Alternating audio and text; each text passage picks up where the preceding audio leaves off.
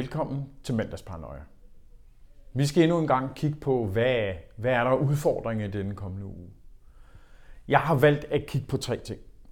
Det amerikanske midtvejsvalg.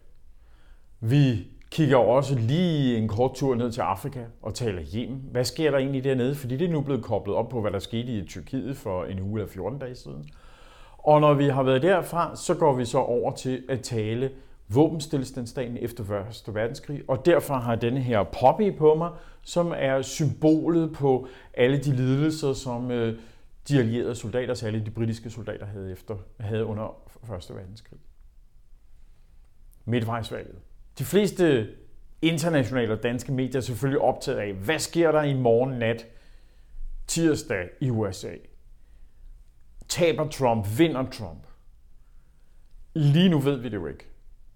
Men vi ved, at det er helt afgørende, at den sammensætning, vi får i repræsentanternes hus og i senatet, altså den samlede amerikanske kongres, er sporet ind på det transatlantiske forhold. Og der kører min bekymring, fordi amerikanerne er lige nu ved at miste fokus på det gamle Europa. De kigger mere til Asien, og de kigger i de her dage til Sydamerika. Hvad sker der dernede? Hvorfor har de en karavane, der er på vej igennem Mexico? Så mit håb er, at når vi onsdag, torsdag eller fredag, eller hvornår at de endelige resultater rent faktisk foreligger, har fået en amerikansk kongres, der fokuserer på ikke kun lige det, der sker lige syd for grænsen, eller det, der sker i det sydkinesiske hav, men også på, at Europa har været USA's nære og venlige allierede siden afslutningen af 2. verdenskrig. Vi har brug for et stærkt transatlantisk forhold. USA fokuserer lige nu på sig selv. Men øh, der er altså sket nogle ting ude i verden, som gør, at amerikanerne er blevet påvirket. I Tyrkiet skete der et mord på den saudiarabiske konsulat på en saudiarabisk journalist. Og det begynder måske nu faktisk at få de første ringe i vandet til at sprede sig. Vi ser, at den amerikanske forsvarsminister og den amerikanske udenrigsminister er ved stille og roligt at ændre holdning til, hvad der foregår i Yemen. I Yemen er Saudi-Arabien dybt involveret i borgerkrigen. Og nu begynder vi at høre meldinger fra den øh, udenrigsministeriet, fra forsvarsministeriet i USA om, at sauderne skal sætte sig ved forhandlingsbordet. Det er efter al sandsynlighed et resultat af, at Saudi-Arabien har blottet sig ved at begå mordet på Khashoggi. Med andre ord, sauderne er nu ved at miste en lille smule af den position, de havde.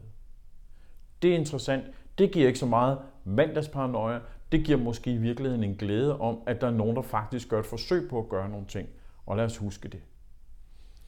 Vi skal huske, søndag den 11 november er det 100 år siden for våbenstilstanden efter 1. verdenskrig.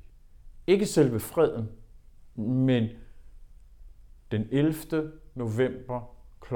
11. 11. i 11. kl. 11 stoppede våbnene med at lyde. Og det var det første skridt i 1918 til at skabe fred. Hvad har vi lært af de næsten 20 millioner mennesker, der tabte livet under Første Verdenskrig. Vi har lært det meget, meget brutale, at der er brug for internationale institutioner. Lige siden afslutningen af Første Verdenskrig har man gået væk fra det klassiske kongressystem, hvor stormagterne mødtes, men til at alle skal sidde med rundt om bordet. Alle skal deltage i forhandlingerne, så man får så sikker en fred som muligt. Og i de her år er det internationale samfund under pres. De internationale institutioner er under pres. Det vil så EU, det vil så FN, det vil så alle mulige internationale organisationer er under et pres. Og vi har brug for dem, så vi undgår at rode os ud i krig igen. Så jeg vil afslutte mandagsparanoia med at sende mit stille håb til, at de institutioner, som blev affødt af 1. verdenskrig og 2. verdenskrig, at de forstærkes og fornyes og forbedres.